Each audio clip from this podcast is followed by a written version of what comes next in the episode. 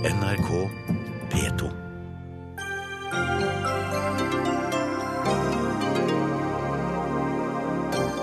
EU er avhengig av et land som bryter menneskerettighetene for å stanse flyktningstrømmen fra Syria. Hjelper det å lokke med penger overfor Tyrkia? Han er mot sex før ekteskapet, fri abort og homofili. Nå vil forfatter Osman Rana snakke om norsk islam, men kan flertallet leve med hans versjon av norsk islam? 1500 kroner koster det deg å sitte på bussen uten setebelte, men velger du å stå, slipper du bot. Håpløst, mener bussjåførene. Og Arbeiderpartiet vil ha gratis barnehage til alle, ikke bare til de fattigste. Sløsing, påstår Høyre.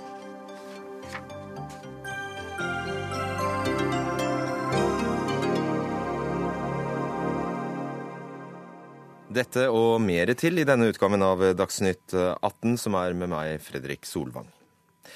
I hele dag har EUs toppledere med bl.a. Tysklands forbundskansler Angela Merkel i spissen forhandlet med Tyrkias statsminister Ahmet Davutoglu om hvordan flyktningkrisen kan løses og dermed Schengen-samarbeidet sikres. Tyrkia har det politiske nøkkelkortet for å dempe tilstrømmingen gjennom Balkanlandene videre vestover i Europa. Tore Tollersrud, NRKs Brussel-korrespondent. Toppmøtet pågår fortsatt i Belgias hovedstad, og rapportene går ut på at møtet er utvidet i tid. Hva er situasjonen i forhandlingene? Nei, Det det blir sagt her, er at det foregår kjøpslåing mellom Tyrkia og EU. Det er jo, som du sier, Tyrkia som sitter nøkkelen på å løse Europas flyktningeproblem. Og Tyrkia skal ha mottatt at de kan ta imot de flyktningene som ikke har krav på asyl. Altså flyktninger som ikke vil ha rett til asyl, kan Tyrkia ta tilbake. Det kan dreie seg om så mye som 25-50% av de som nå har tilhold i Hellas.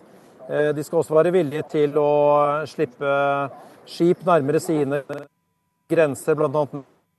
da å få bukt med menneskesmuglingen. Men til gjengjeld så krever tyrkiske mye. De vil ha mer penger. Det er snakk om her at de skal få dobbelt som det har vært snakk om tidligere. De har jo før fått lovnader om 3 milliarder euro. 10 milliarder kroner. Nå skal det beløpet ha blitt doblet. I tillegg så vil de at tyrkiske borgere skal kunne bevege seg fritt innenfor Schengen-området, altså EUs passfrie sone. Og ikke minst Tyrkia ønsker posisjon for nye EU, for, for, for medlemsforhandlinger med EU. Tyrkia har jo lenge ønsket medlem av EU og landets statsminister at dette toppmøtet er endepunkt for Tyrkias strevelse for å bli medlem i EU. Vet du hva, Tore, jeg skulle gjerne ha snakket mer med deg, og det er overhodet ikke din feil, men linja di er såpass dårlig at jeg tror vi gir oss der. Vi fikk med oss hovedinnholdet, tror jeg. Vi går til deg, Sigurd Falkenberg Mikkelsen, korrespondent. Du er faktisk i Damaskus. Uh, og Krigen i Syria er jo en viktig forklaring på flyktningstrømmen til Europa, selvfølgelig. Hvordan vil du beskrive situasjonen i ja, landet, er feil å si, der du er nå? I uh, Syria så er jo det et land som er uh, svært krigspreget etter fem år.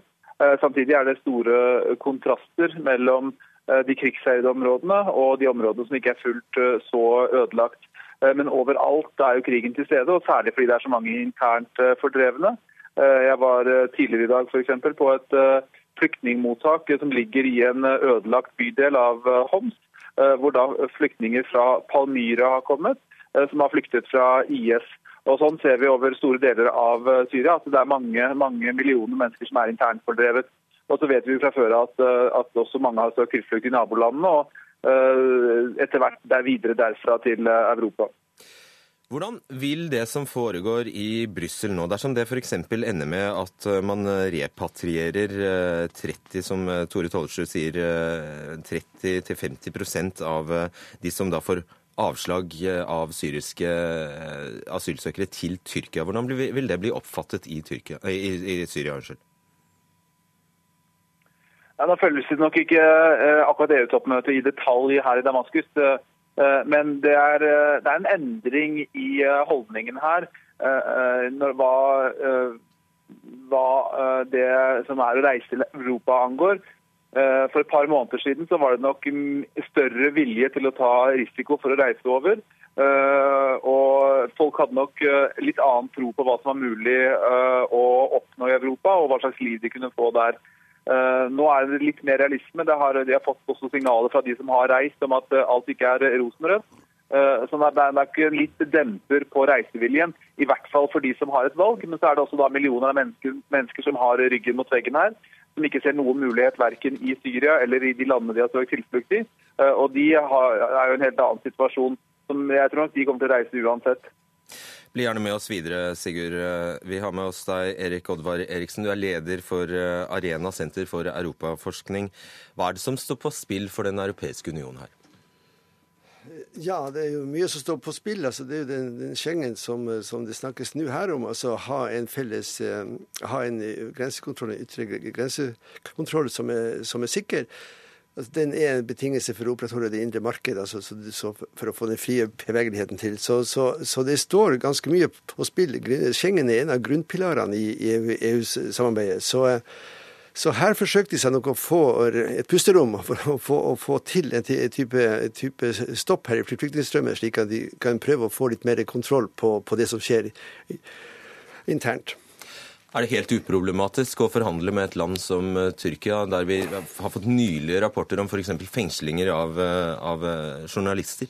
Nei, altså det, det, det, er jo det som er problemet her. Altså, du inngår, må et kompromiss her med noen som du kanskje ikke burde inngå et kompromiss med.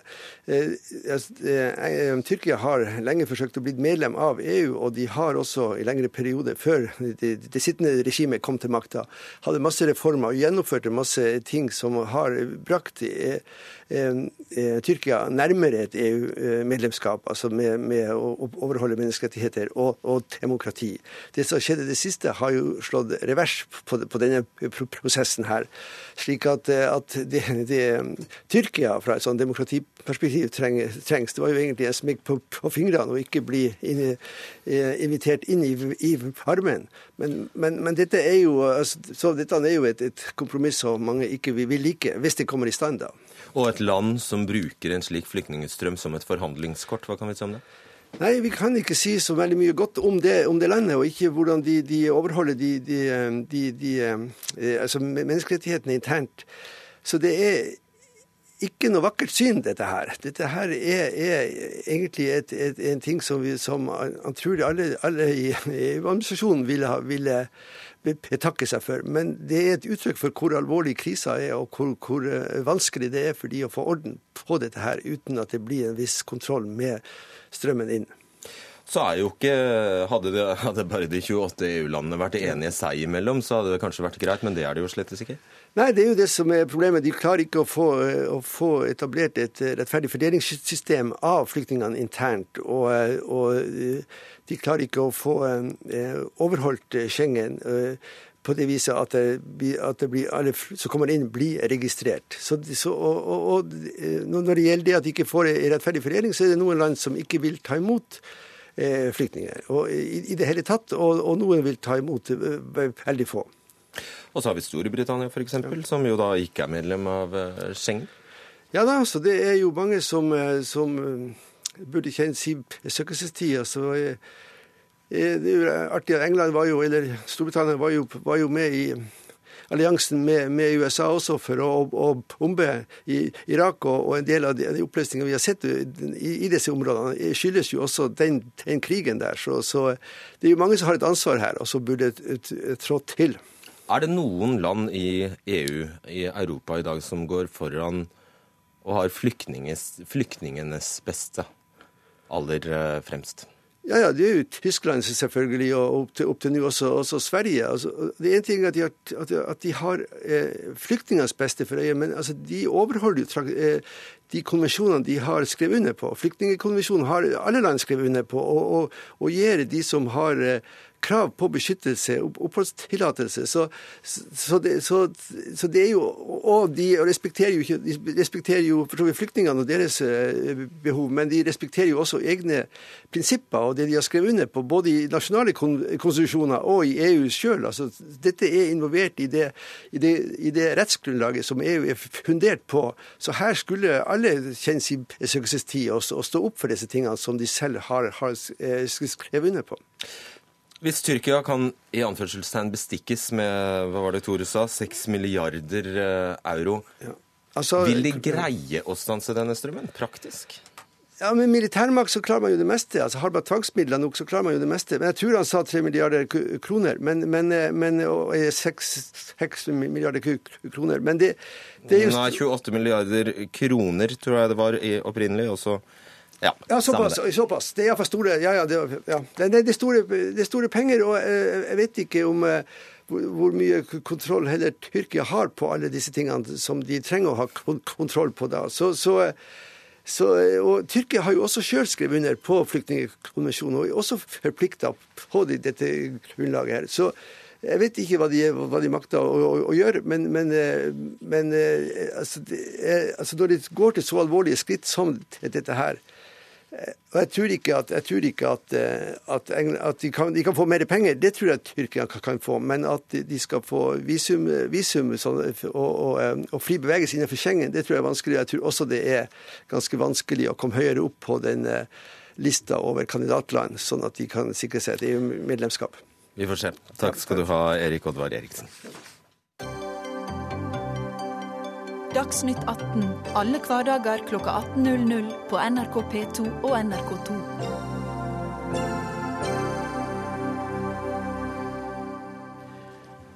Vi må slutte å snakke om islam i Norge og begynne å snakke om norsk islam, mener Mohammed Osman Rana. I sin nye bok 'Norsk islam hvordan elske Norge og Koranen samtidig' forsøker legen og forfatteren å gi svar på hvordan de hellige tekstene kan settes inn i norsk virkelighet. Velkommen hit, Osman Rana. Takk.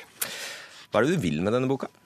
Det jeg vil, er at uh, norske muslimer uh, skal uh, slutte å snakke om islam i Norge, og heller snakke om norsk islam. Det vil si at man eh, både fysisk og mentalt er til stede her i Norge, og at man setter eh, de islamske hellige tekstene inn i en norsk sammenheng.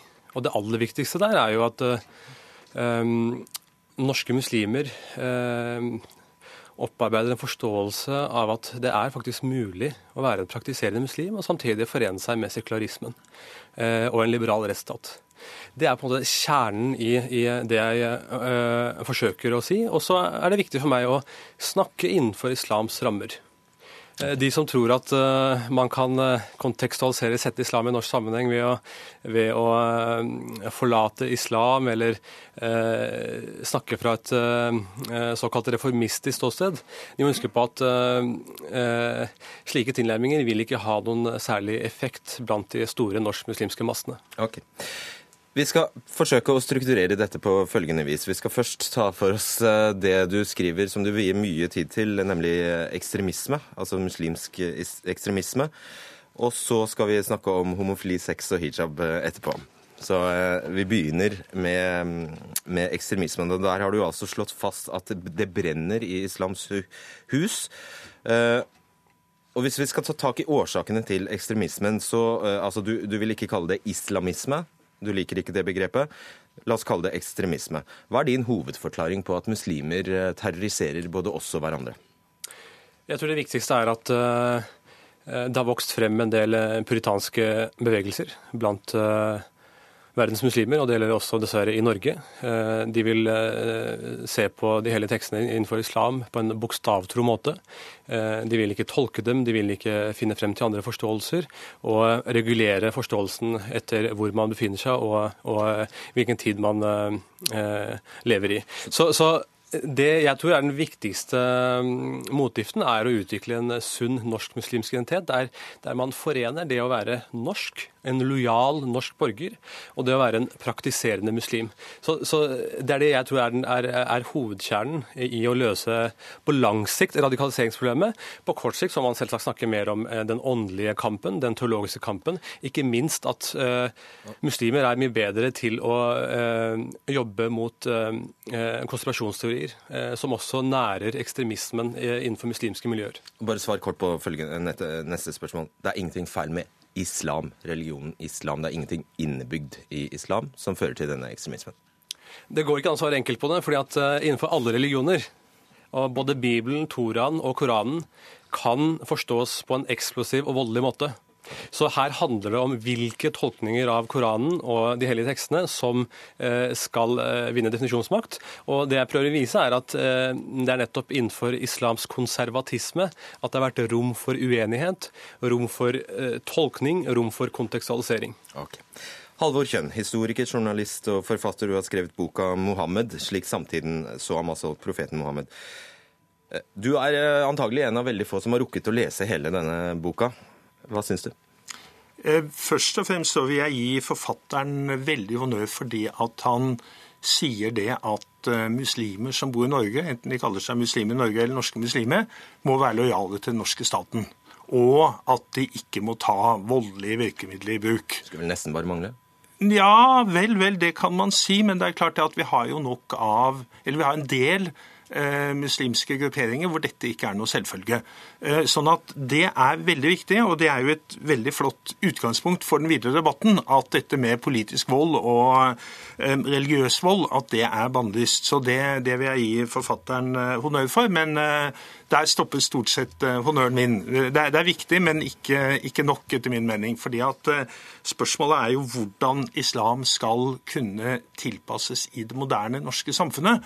Eh, og da sier jo eh, Mohammed Osman Rana et sted i boka at eh, det er helt OK for muslimske jenter å gå med bunad, men de må gå med hijab også til bunaden. Det har jeg ikke sagt. Jeg har ikke sagt at de må gå med hijab. Jeg viser det frem som et eksempel at en jente på TV 2 sto frem med bunaden og, og, og hijaben. Jeg har ikke sagt at de må det. Nei, jeg har du... sagt at de må velge det. Jeg har absolutt ikke sagt at de må. Det Det er bare brukt som et eksempel for ja. å vise fornorskingen av hijaben. Ja, Men du framhever dette med å gå med hijab som et, noe som er da sterkt anbefalesverdig for muslimer. Kjønn, jeg vil bare spore deg litt tilbake på det. Altså, Rana bruker mye tid på å beskrive den muslimske ekstremismens røtter. Gir du han eh, rett i denne beskrivelsen?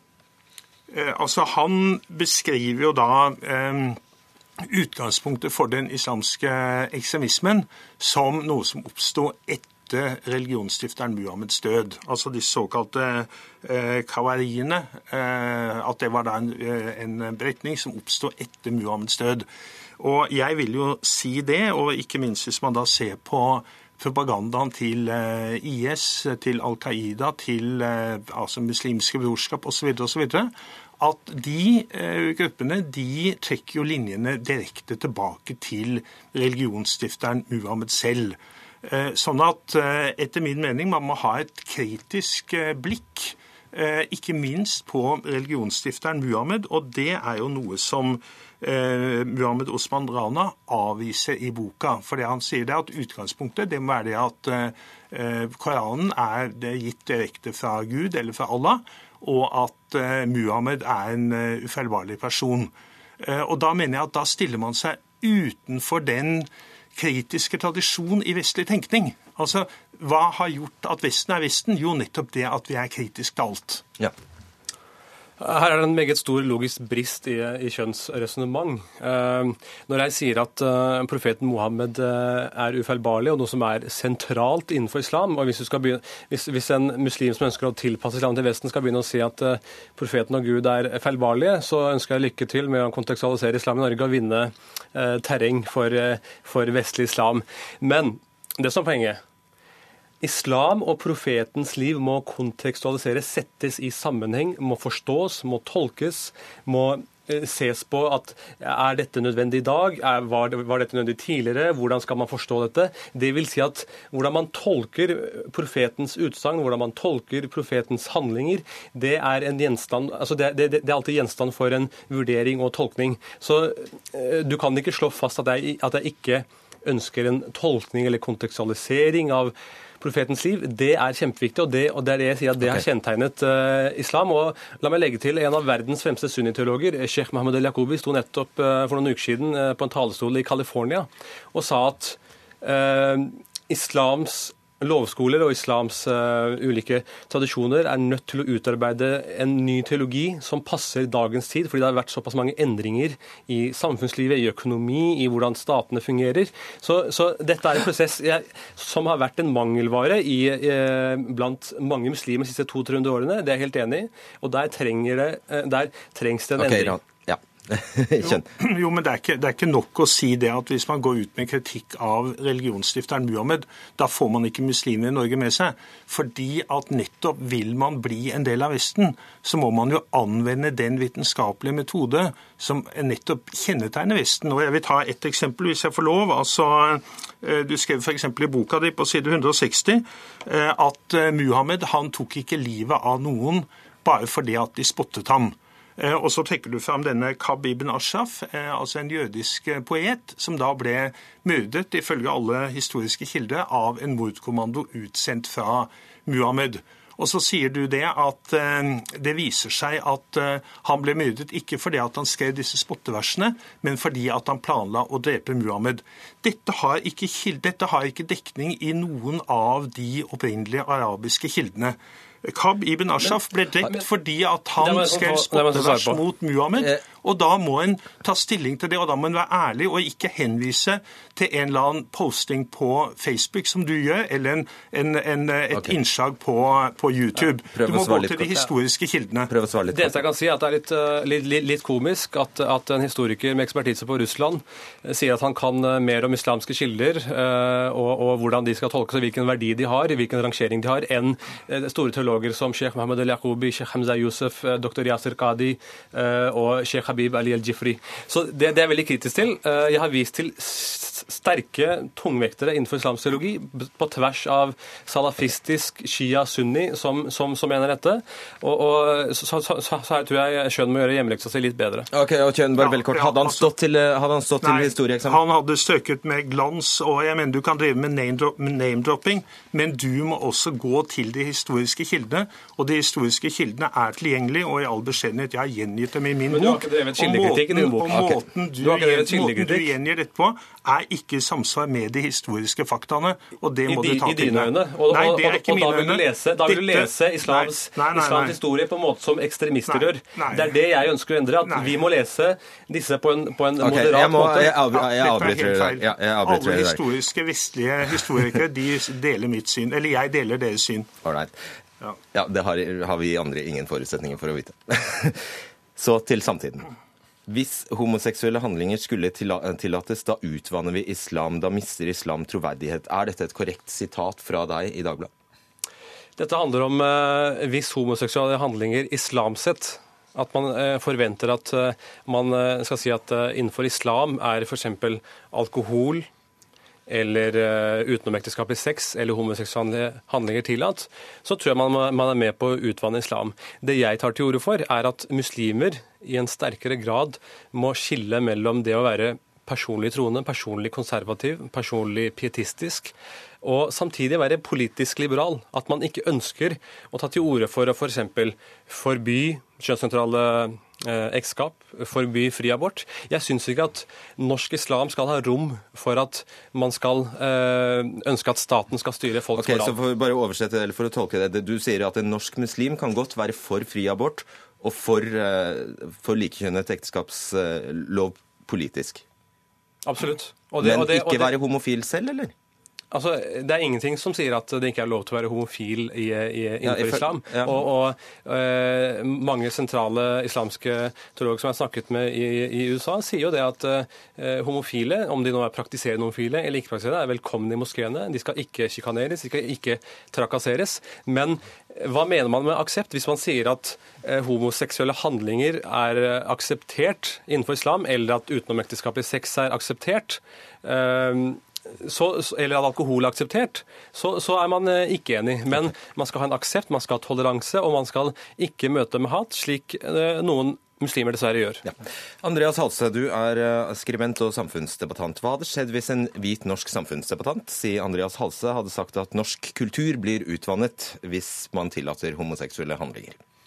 Det, det tror jeg er helt åpenbart at det hadde blitt eh, slått knallhardt ned på. Eh, Og det er jo fortsatt sånn i Norge at ting som, som ikke er saklig å si uten religiøs begrunnelse, opp, tas mye tyngre i det har en religiøs begrunnelse. Eh, Og jeg er egentlig Altså, jeg er ikke, ikke så opptatt av egentlig teologiske diskusjoner, men jeg er ganske opptatt av homofiles, homofiles rettigheter. Og det som Osman Rana skriver i sin eh, bok, bare for å ta det først, jeg syns det er bra ja, at man gjør et sånt skille. At åpner for at muslimer også kan være liberale politiske. Jeg tror det eh, kan være et viktig framskritt og er liberalt innenfor en muslimsk kontekst. Men for å ta det du skriver i boken, så er det i stor grad at man kan være homofil innenfor eh, islam, men ikke praktiserende homofil. Eh, Og for meg, fra et ateistisk, ikke-troende standpunkt som ikke, som ikke er inne i teologien, så blir det for meg som om Hege Storhaug skal si at eh, det er greit å være muslim inni hodet sitt, men vi kan ikke akseptere praktiserende islam. At det er å nekte noen eh, å leve ut selve identiteten sin. Og vi må anerkjenne at i Norge i dag så er det sånn at muslimske gutter og jenter har dårligere rettigheter til å leve ut sin egen identitet, sin egen frihet, enn det veldig mange i majoritetssamfunnet har. Og det er en utfordring som jeg tror vi må ta på alvor. Og dette skriver du faktisk. At det er, eh, kan framstå som et paradoks at du som tilhører en minoritet, skal si til en annen minoritet at de ikke kan leve ut sin minoritethet. Det er derfor samlingen eh, din ikke er helt god. fordi at eh, Store har jo tatt til orde for å forby eh, koranvers og stenge moskeer. Jeg sier jo at staten verken må forby såkalt verdiliberal praksis eller verdikonservativ praksis. Så, så, så jeg er på, mange måter eh, politisk veldig liberal. Eh, og, og, og jeg har også eh, besøkt amerikanske teologer eh, som, som, eh, som sier at eh, innenfor amerikansk islam, ja, vi er gjerne konservative muslimer, men vi vil ikke eh, ta opp noe kamp mot den kjønnssentrale ekteskapsloven i USA, eller at det er blitt tillatt nå å gifte seg eh, for, for homofile og lesbiske i USA. Så, så jeg tror at Men du gjør det ikke enkelt. Du, du, du ser det, at du det, bidrar til å gjøre det praktisk umulig å være både homofil og muslim. Det er forskjell her, ikke sant. Eh, alle mennesker er et eh, produkt av veldig mange handlinger. Eh, det er ikke sånn at eh, hvis du praktiserer homofili, så er du fordømt, eller at du, er, eller at du forlater islam. Nei. Det er det eh, islamske teologer sier, at du, at du er innenfor islam. Men, men, men, men selve handlingen Man kan ikke si at den er eh, akseptert innenfor islamsk teologi, på samme måte som utenomekteskapelig sex eller alkohol eller det å lyve. Så, så, så her, og, det, og det er klart, jeg, jeg sier ikke at det er lett for homofile muslimer. Absolutt ikke. Og det prøver jeg å si i min bok òg, ved å fortelle en, en, flere om homofile muslim som, som syns dette var veldig vanskelig. Okay, altså. al- altså I mitt hode så er det helt umulig det å skille mellom eh, å skulle være, å være homofil eh, og det å være praktisere. For det er å fortelle noen at den du er, det får du ikke lov til å leve. Det får du ikke lov å leve ut, og det på en annen vis fordømmes. Og jeg tror at det er å påføre utrolig mye skam til utrolig mye mange unge mennesker som allerede sliter med egen identitet, som blir revet mellom ulike identiteter. Og de har det tungt allerede. Jeg tror ikke de får det noe lettere hvis ikke det blir sagt at det her også på en eller annen måte eh, religiøst er greit. Eh, Bare siste spørsmål til deg, Halse. Eh, Han skriver jo, Rana skriver jo ikke bare om homofili, selvfølgelig, men tar for seg mange kontroversielle dagsaktuelle temaer rundt islam, som sex for ekteskap, som nevner, bruk av hodeplagg, hijab osv. Hvis hans, eh, hans norske islam blir toneangivende i Norge, hvor står vi da, mener du? Altså, jeg, jeg er ikke enig i det overordnede verdibudskapet. At det er bedre enn det mange andre mener. Det er liberalt i forhold til veldig mange andre praksiser. Men jeg er fortsatt ikke enig i at det er det budskapet som skal gjelde for unge muslimske gutter og jenter som vokser opp i Norge. Fordi jeg mener at de rettighetene vi har, må ikke bare på papiret være like, men burde så langt som mulig i praksis også være like.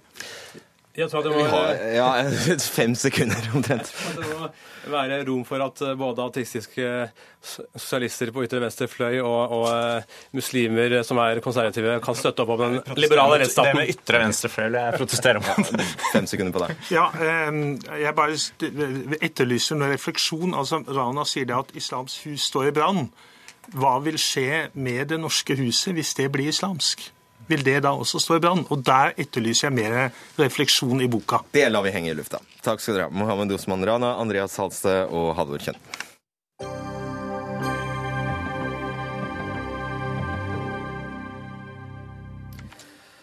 Fremskrittspartiets leder Siv Jensen holdt i helgen en tale til landsstyret, eh, hvor hun eh, forberedte partiet på høyere avgifter på klimagassutslipp, altså CO2-utslipp.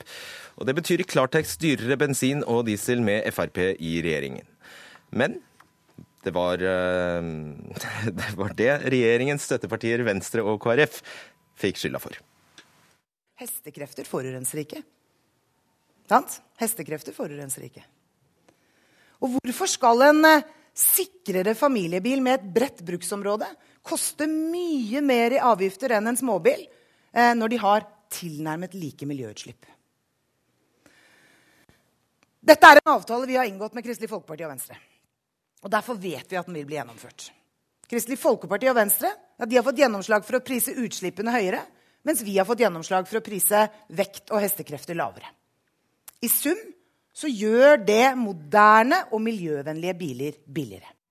Og dette, sier du til nrk.no, er smålig og frekt, Terje Breivik, nestleder i Venstre.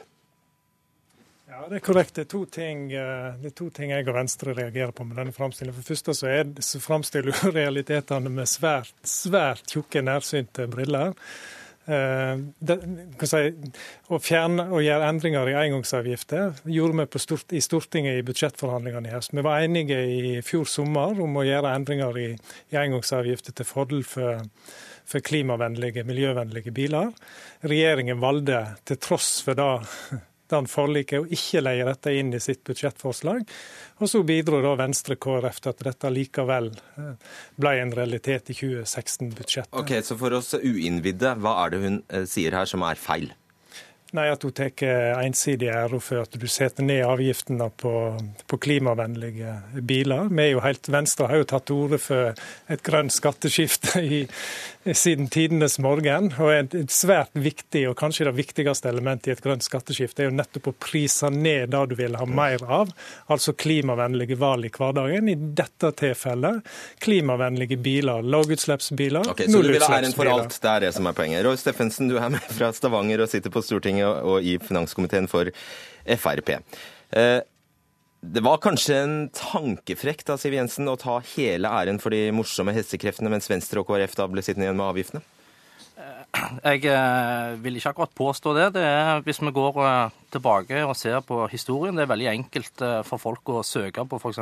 Stortinget sine arkiver og tidligere budsjett, budsjettalternativer, så vil de jo se hvem hvem det er som har foreslått å redusere effekt- og vektavgifter, og hvem som har foreslått å øke bilavgifter. Og, og Da tror jeg ikke det skal mye fantasi til for å spekulere i hvem det er som har stått på de forskjellige tingene. Jeg har f.eks. aldri hørt tidligere at at eh, Venstre har stått i bresjen for at en BMW X5 skal bli 50 000 billigere, eller at en Porsche 911 Turbo skal bli 200 000 kroner billigere. Men det er ting som Fremskrittspartiet bl.a. har foreslått, eh, fordi at vi ønsker å redusere effekt- og vektavgift. Det har vi vært tydelige på i opposisjon, eh, fordi at det vil sørge for at trygge, sikre familiebiler blir billigere. Og nå, sammen med Venstre, så har vi fått til gode endringer i engangsavgiften. Vi har fått til gode endringer på, på omregistreringsavgift. Og, eh, og vi har fått til billigere ladbare hybridbiler. Ja. Jeg, jeg bare avbryter deg. Breivik, vil, altså, det er sånn å forstå at du faktisk vil ta æren for at dere har uh, satt ned prisen på digre beist av noen uh, biler? Altså Siv Jensen har jo helt rett i den påstanden at det er jo ikke hestekreftene som forurenser, det er utslippene. Men en viktig del hvis du skal få full effekt ut av det vi nå har gjort med engangsavgiften, altså senke prisene på nye klimavennlige biler, hvor du, hvor du gir honnør for, for mindre CO2-utslipp, så er du òg helt avhengig av at du øker prisene på forbruket av fossile biler. Sånn, sånn får, du, får, du, virkelig tatt i bruk markedskreftene. Fordi disse bilene bruker kanskje litt mer drivstoff enn andre? Ja, altså, det er klart det har jo skjedd en revolusjon innenfor forbrenningsmotoren. Sant? Altså Nye dieselmotorer og nye bensinmotorer bruker jo mindre i dag enn tidligere. Men en bil med mange hestekrefter bruker vel mer bensin enn andre, en, en, en bil med la, færre hestekrefter? Det er korrekt, forutsatt at ja. det er fossile hestekrefter. Og, og da, Roy Steffensen, har jo dere i Frp bare rett og slett bidratt til at det blir dyrere å holde bil her i landet? Eh, nei, for det er jo foreløpig ikke gjort noen eh, grep på at det er blitt eh, dyrere, dyrere drivstoffavgifter. Det som vi sa i, i budsjettforhandlingene i, i 2015 nå, det at, eh, det at, vi har eh, sagt at vi skal være med og se på, på uh, bruksavgiftene på bil. Men uh, da er i så fall forventningen at det skal reduseres uh, på, på, andre typer avgifter på bil. Og vår, vår, holdning der er jo selvfølgelig at vi ønsker lavest mulig bilavgifter totalt sett for bilistene. Så du, du har gjort opp regning uten hvert, Breivik. Du kommer hit og forteller at det blir høyere avgifter på CO2-utslipp? Det er så viktig, sant? Når vi politikere tar i bruk markedskreftene, sånn, så er det jo for å gi folk anledning til å ta klimavennlige valg i hverdagen.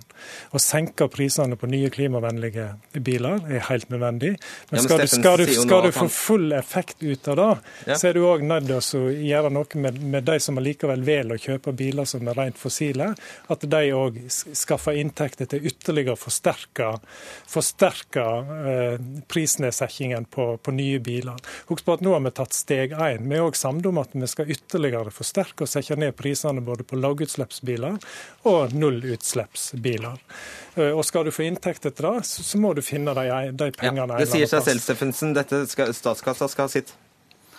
Eh, jeg, jeg, er ikke så opptatt av, av Eller jeg, jeg syns Venstre er altfor alt opptatt av bensin og diesel generelt. Det, det, som bør være målet her, det er jo at vi skal klare å få til reduksjoner i klimautslipp totalt sett. Og Da er det viktigste grepet vi kan gjøre, det er rett og slett å fornye bilparken. Det er arbeid som vi er i gang med. Vi husker på at Gjennomsnittsbilen på norske veier i dag er, er 10,5 år. Det betyr at det er en 2005-modell. Eh, alle nye biler solgt i 2005 de hadde utslipp i gjennomsnitt på 180 gram CO2 okay, per km. Jo, men, men ja, de bilene som blir solgt i dag, de har utslipp på ca. 90 gram per, eh, per km. Det betyr at når vi, når vi kommer til 2025 og gjennomsnittsbilen er en 2015-modell, så har vi halvert utslippene bare med å fornye bilparken. Det er det viktigste grepet vi kan gjøre for å få redusert klimautslippene. Ja, det skjønner jeg, men bare svar på et enkelt spørsmål. Har dere eller har dere ikke gått inn i en avtale med Venstre og KrF om å øke CO2-avgiften? Vi har sagt at vi er innstilt på å ta den diskusjonen med at vi skal se på, på eh, økning av avgifter på utslipp av CO2. Hvis vi da samtidig får motsvart eh, en reduksjon på andre skatter og avgifter relatert til bil, f.eks. engangsavgift, f.eks. reduksjon i omregistreringsavgift, f.eks. ytterligere reduksjon i årsavgiften og kanskje òg bompenger inni der. Har Frp eller har Frp ikke inngått en avtale med dere om å øke avgiften på CO2? Ja, Det ligger jo i kortene. sant? Altså En forutsetning for budsjettavtalen 2016 var jo et budsjett et sånn såkalt anmodningsvedtak som det heter på budsjettspråket, hvor vi i 2017-budsjettet skal innføre et grønt skatteskifte som skal føre til betydelige reduksjoner av innenlands utslipp. Og programleder sant? Å øke avgiftene er jo ikke noe mål i seg sjøl. Altså, det, det, som er målet, er jo å bidra til å bruke markedskreftene for å redde klimaet. sånn Klimaet både kan og må reddes. Folk ønsker å, å, å stille opp for det. Og skal du få det til, så kommer du heller ikke utenom at du både må avgiftslette på det du vil ha mer av, men òg avgiftsøke på det du vil ha mindre av. Det skjer ikke uten kamp, hører vi Frp si. Takk skal dere ha, Roy Steffensen og Terje Breivik.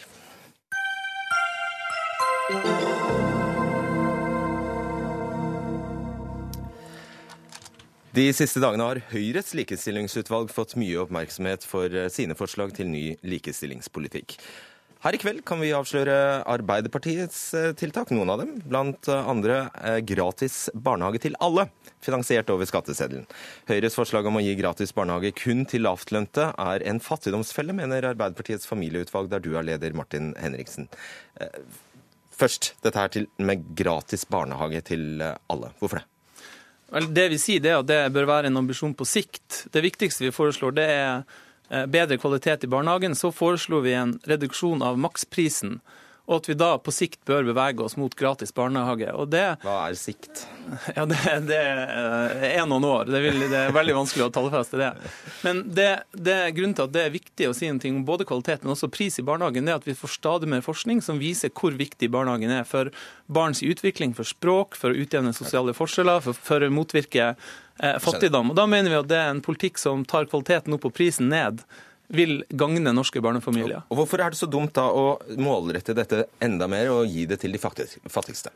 Vel, fordi at jeg tror, for det første, Når det gjelder oppslutning til velferdsstaten, så er det viktig at vi har ordninger som treffer bredt, som treffer flest mulig, og det gir størst oppslutning. Sløse mest mulig. Nei, det er ikke å sløse. Det ser vi jo bl.a. når vi nå har bygd ut både eh, skolen og barnehagen, så har det gitt eh, store effekter for norsk økonomi. Men det å bare si at man skal gi gratis barnehage til lavinntektsfamilier, som Høyre gjør, det er egentlig fattigdomsfelle. For da betyr det at hvis du ligger på terskelen til å komme over denne inntektsgrensa, så koster det svinmye å jobbe én time ekstra, eller kanskje ta litt økning i stillinga, eller f.eks. begynne å jobbe heltid, for du da må betale full pris, og da kan det holde folk i lavinntekt. Ja, det høres nesten logisk ut. Henrik Asheim, stortingsrepresentant eh, for Høyre. Du sitter i Høyres likestillingsutvalg. Har du ikke tenkt på dette? Jo, det har vi absolutt. Og det er jo sånn at Vi allerede i regjering nå har redusert barnehageprisene for de med dårlig råd.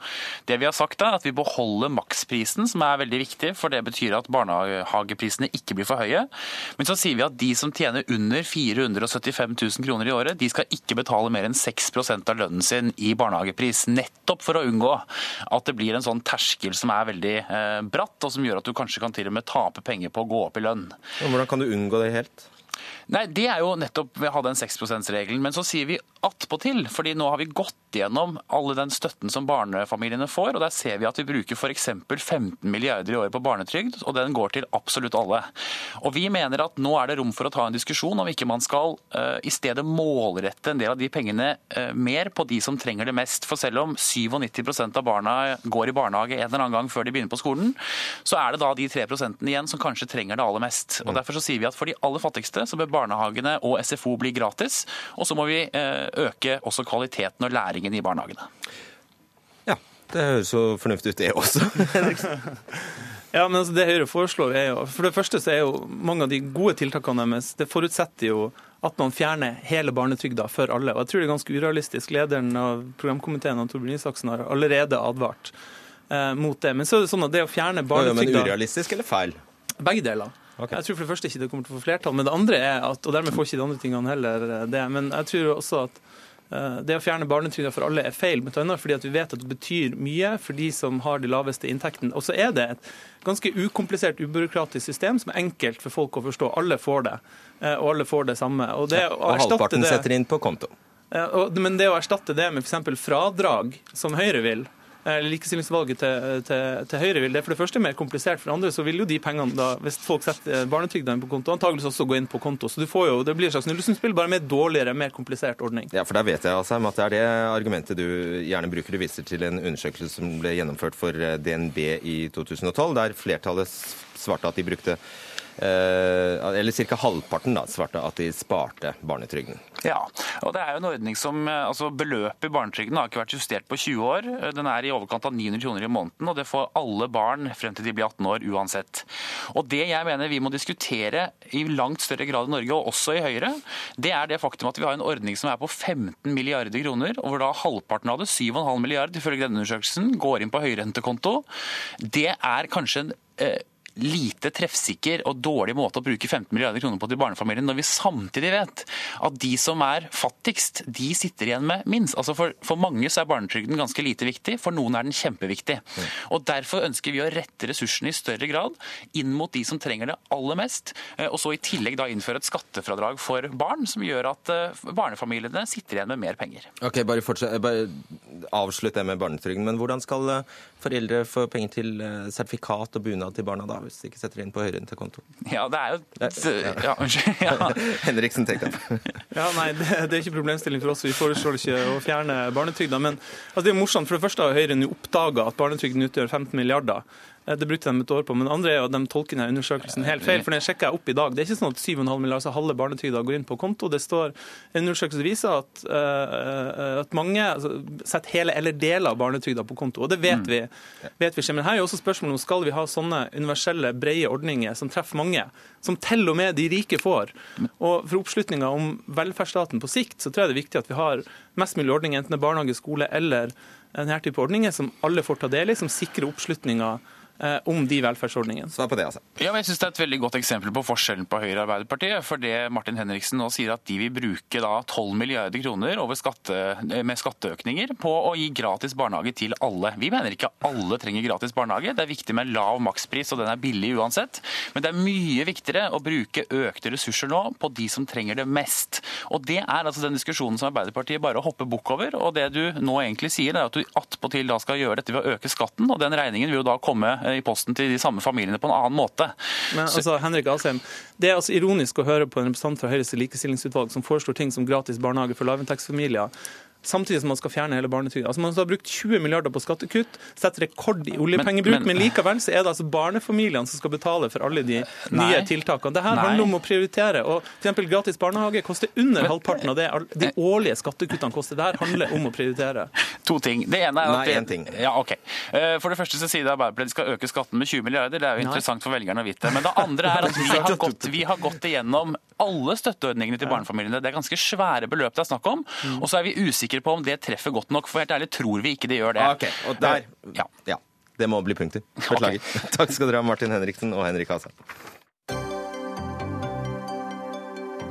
Hør Dagsnytt 18 når du vil. Radio NRK Radio.nrk.no.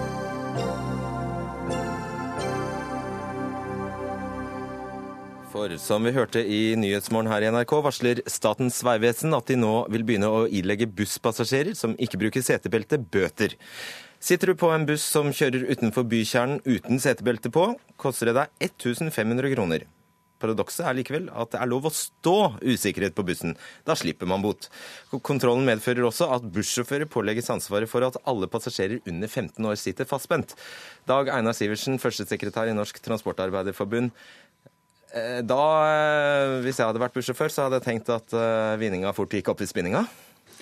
Ja, Før jeg konkret svarer på det, så vil jeg først og fremst si at eh, Norsk Transportarbeiderforbund er helt for eh, sikkerhetsbelte i buss. Og vi har vel i utgangspunktet gått lenger eh, i å kreve belte også i de bussene som i dag ikke har krav til det. For vi mener at alle bør eh, ha mulighet til å sitte fastspent i buss. Men når jeg konkret skal svare på det med gebyrer eh, til sjåføren for fordi de har ansvar for under 15 år, så er vi like klar på det at eh, det kan ikke være sånn at det sjåføren ikke har mulighet til å kontrollere, eh, skal han bli straffa for gjennom et gebyrregime. Så hvis det er Det- 100 personer på bussen og han får 1500 kroner i gebyr for hver enkelt passasjer, så Ja, nå vil, jo, eh, nå vil det nok ikke være helt sånn, for det er jo det er klart at da ville det jo vært konkurs eh, på, eh, på første turen, sånn som det er. Men, men altså, i forhold til, i forhold til det med, med, med gebyrer, så, så vil vi aldri kunne akseptere at det er sånn at sjåføren blir straffa for, for ting han ikke kan kontrollere i gebyrregimet.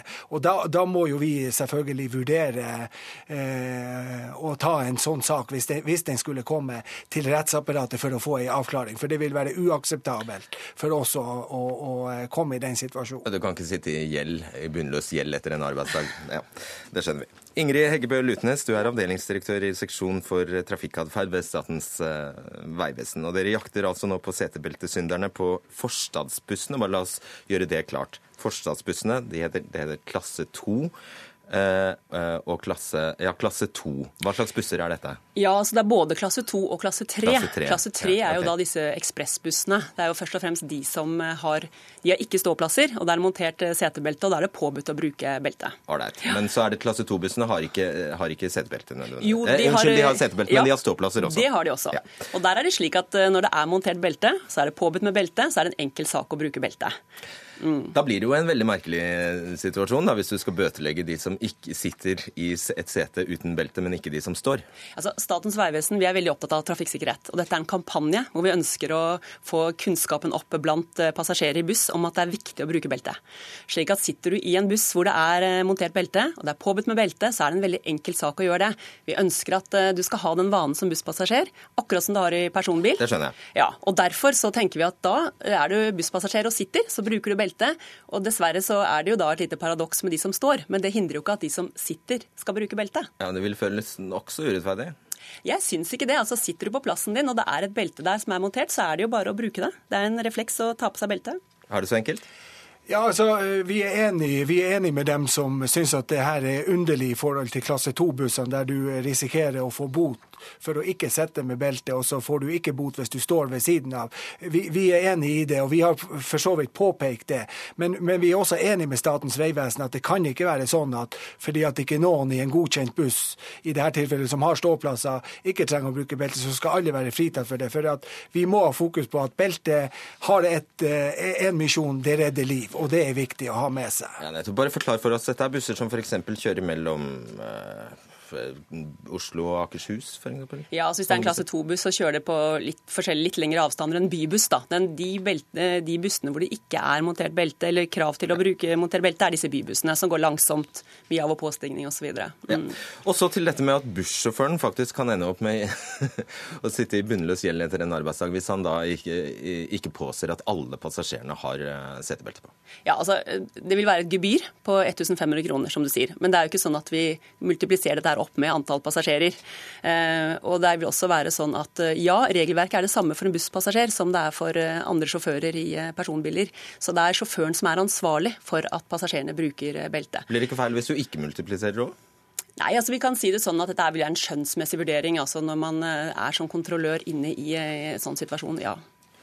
Ja, altså, og Det med kontroll, vi, vi, har jo et annet paradoks her. er jo det at eh, Hvis du skal snakke om rettssikkerhet for sjåføren i en personbil, så er det sånn at det er det objektive synet som gjør om du på en måte bruker belte eller ikke.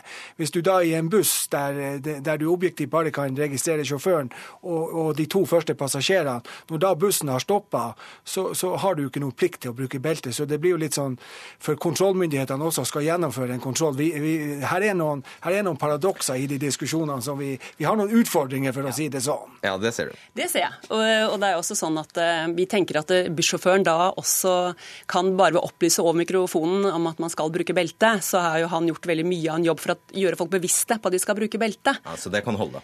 Nei, altså da, fall, da, har han gjort en del av jobben med dette her med å ivareta ansvaret for at passasjerene skal bruke belte, den opplysningen som han der gir. da. Men vi syns det er veldig viktig at sjåførene holder eh, trafikksikkerheten, det er det viktigste han skal gjøre, og holde da øye på veien. Mm. Ikke sant. Eh, eh, men hva med, hva med å bare forby ståplasser? Ja, det er jo, men altså, nå er det slik at I regelverket vi har, europeiske regelverket, så godkjenner vi også busser som hvor det er eh, ståplasser. Mm. Mm. Ja, og det er jo der vi på en måte tidligere har vært klare i signalene. at Vi, vi mener faktisk at uh, for sikkerheten, hvis man skal snakke sikkerhet fullt ut, så burde det være setteplass med belte til alle. Men i, i, den praktiske hverdagen så ser vi også at regelverket er sånn. At det er ståplasser, det må, vi, det må vi på en måte akseptere. Men fortsatt er det sånn at fokuset må være at uh, beltet er en av de viktigste livredderne, også på, på bussen. Og, og, og, og, det kan ikke være motivet for at du ikke skal bruke belte, at du får et eller annet gebyr. Motivet må være at det er med på å berge livet ditt hvis ulykka først er ute. Ikke sant? Du og det er jeg veldig glad for at du sier. Ja, det er akkurat sånn tenker Statens vegvesen nå. Mm. La oss håpe vi alle gjør det. Ja. Takk skal dere ha, Ingrid Heggebø Lutnes og Dag Einar Sivertsen.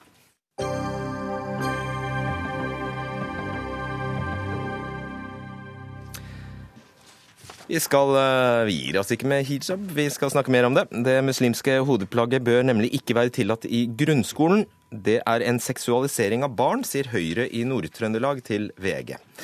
Lokallaget har tatt initiativ til et forbud, og det er ventet store diskusjoner om forslaget på Høyres landsmøte i april. Elin Agdestein, du sitter i Steinkjer og var inntil i går leder i Høyre i Nord-Trøndelag. Hvorfor ønsker dere et forbud mot hijab i grunnskolen? Først vil jeg si at jeg syns det var veldig modig av Kvinneforum i Nord-Trøndelag å, å fremme det forslaget, som ble vedtatt på, på årsmøtet hos oss i helga. Det vi ønsker, er jo først og fremst å skape en debatt Eh, og det betyr ikke at vi har alle svarene, for dette er et veldig krevende tema. Enten har dere gått inn for et forbud, eller så har dere ikke vel? Jo, men, eh, men det er nyanser i dette her, ikke sant? Og eh, vi, vi, mener at det er viktig å, å reise temaet, ta debatten om hvilke verdier som skal prege det flerkulturelle Norge fremover. Det handler om integrering, eller mangel på integrering. Jeg tror det er stor interesse for den problemstillinga ute i opinionen. og det er sånn at Vi mener det norske samfunnet skal være preget av toleranse, men at vi ikke skal tolerere intoleranse. Så Vi vil ha en prosess i partiet. Og Neste anledning nå er, eh, til å få debattere det her i sin fulle bredde er på landsmøtet i april. Så uh, svaret er ja til forbud mot hijab i grunnskolen? Altså, eh, Jeg må understreke det at, at, Høyre er jo ikke først og fremst et forbudsparti. Men det er forskjell på liberalisme og verdikonservatisme. Forbud kan være nødvendig i visse sammenhenger. F.eks. For, for å sikre grunnleggende menneskerettigheter. Frihet til å leve et liv uten begrensninger. ikke sant? Jeg tror jeg tolker det Nei, jeg tror jeg tolker det som at Nord-Trøndelag Høyre ønsker et forbud mot hijab i grunnskolen. Jeg satser, jeg, jeg tar sjansen ja, på det. Det er utgangspunktet, ja, okay. men vi ønsker å reise debatten. Fint. Modassar Kapur, du er stortingsrepresentant for eh, Høyre fra Oslo. Ja, et forbud mot hijab eh, på småjenter, eh, det er ikke noe du ønsker, og dermed er vel debatten allerede i gang? Ja, det er den, og det er fint. Eh, fordi at Jeg må få lov til å begynne med mitt utgangspunkt først. Jeg mener at verken barn eller voksne skal påtvinges hijab. Men jeg syns heller ikke at eh, jeg som politiker skal tvinge den av noen heller. Eh, og da går vi inn i debatten. Fordi jeg syns at eh, vi skal kunne diskutere sosial kontroll, jenters rett til å bestemme over sin egen kropp, seksualitet, ytringsfrihet, religionsfrihet. Dette skal vi kunne diskutere uten at vi som politikere da skal ty til et lovforbud mot enkeltplagg. Og faren ved den type debatter blir veldig ofte sånn at det blir en ja-nei-debatt mot mot eh, hijab, akkurat som du nå måtte vite om, var, om det var for eller mot et forbud. Ja, faren og faren. Ja, altså, altså, unnskyld, ikke faren, men, eller, eller, men, men, eh, men, men, vi faller i en grop hvor vi diskuterer ja eller nei til forbud for problemstillingene, ja. og det er de jeg er mest interessert okay. i. Og Begrunnelsen her Agdestein, er jo da altså at du mener, eh, eller dere mener at hijab er en seksualisering. På hvilken måte? Jo, altså Hvis man ser på hva hijab egentlig er kulturelt sett, altså i den konservative muslimske tradisjonen, så er jo det et plagg som skal brukes av kvinner for å unngå at menn skal bli frista seksuelt. Mm. Og Her ligger jo parallellen til seksualisering av barn. ikke sant? Og Vi ser jo at det er alvorlig hvis det fører til begrensninger i barns frihet. Og, og, I stadig større grad så ser man jo altså krav Eh, blant enkelte foreldregrupper om at gutter og jenter f.eks. ikke skal ha gymnastikk og, og svømming og sånt sammen. Men er lita, da må jeg bare spørre deg, Ei lita jente på seks år legger jo ingenting seksuelt i den uh, fine rosa hijaben hun har på seg? Nei, men det er jo kontrollmekanismer vi er opptatt av. Altså, tall fra IMDi viser det at i 2014 så kom det hele 750 henvendelser fra unge jenter om at de var utsatt for alvorlige begrensninger av frihet, dermed tvang og press fra familien om å bruke hijab. Jo yngre man er, jo vanskeligere er det naturligvis å stå imot sånn type press. Mm. Ok, um, Kapur, i, i, Koranen, altså i, uh, i vers 24-31 i Koranen står det å si til de troende kvinner at de skal dempe sine øyekast og holde sitt kjønnsliv i tømme, og ikke vise sin pryd, unntatt det, det av den som kommer til syne. La dem trekke sløret over sine bryst og ikke vise sin pryd. Dette er begrunnelsen i Koranen for hijab. Hva, hva, hva har det med små barn å gjøre? Nå er jo ikke jeg her som lærde lærd å telle på Koranen, så du kunne dette verset mye bedre enn meg. Jeg har, uh, jeg har ikke det i hodet. Men uh, som Høyre-politiker så må jeg få lov til å si at hver eneste hvert eneste eksempel vi får hvor jenter tvinges til å bruke hijab, det er et eksempel for mye. Og Derfor skal vi gå inn i disse debattene. Jeg ønsker debatten velkommen, også som muslim. Jeg syns faktisk at eh, vi skal foreldre, eh, fortelle foreldrene at det å seksualisere barna i en gitt setting er feil. Er du enig i at det er en seksualisering? I mange tilfeller er det det. fordi at barnas, eh, barn, Når de barna vokser opp som tenåringer, så forteller de at de følte det slik. og Da må jeg ta det på alvor. Jeg kan ikke avvise hva enkelte jenter selv har følt det som. Men seksualisering av barn, det forbyr vi jo. Hva tenker du på nå? Vi, vi forbyr da seksualisering av barn ellers der vi kan. Men i en kulturell kontekst hvor hijab brukes som en eh, ut, utstrakt del av familiens ære, fordi at uh, hvis jenta ikke går i det, så går det utover familiens ære, og dermed får det en seksuell kontekst rundt det, så kan vi ikke avvise at enkelte jenter har opplevd det på den måten. Og da må vi kunne ta den praten med de foreldrene, drive med forebyggende arbeid, starte tidlig i grunnskolen med den dialogen. Men derfra å forby hijab i seg selv, for det er jo ikke sånn at alle har vært igjennom det samme opplevelsen. Agdestein, du har ganske mange andre former for press du må forby? Jo, men det her handler om grunnleggende eh, frihetsbegreper. Jeg tror det er veldig mange som er bekymra for at det etablerer seg parallelle samfunn i Norge. Eh, det må vi unngå, der man har andre regler enn det som, eh, som vi eh, tar som, som grunnleggende rettigheter her i Norge. Og vi kan ikke tolerere at det skal utvikle seg sånn at barn og kvinners rettigheter i 2016 blir, at vi blir satt tilbake. Altså Det er rettigheter som vi har kjempa frem gjennom generasjoner i Norge, og med de konsekvensene det vil ha for likestillinga her i landet. Kapur, hvem vinner på landsmøtet? Jeg, eh, vi får se når landsmøtet har talt. Landsmøtet er alltid det som vinner. Men jeg tror at det viktigste som må vinne, er jentene. Og ikke minst at vi har et liberalkonservativt samfunn hvor religionsfriheten fortsatt står høyt. Akkurat det tror jeg faktisk dere er enige om. Takk skal dere ha, Elin Agdestein og Mudassar Kapur. Dere fikk avslutte denne Dagsnytt 18-sendingen. Vaktsjef var Ida Tune Øretsland. Teknisk ansvarlig var Lisbeth Seldreite. Og i studio Fredrik Solvang.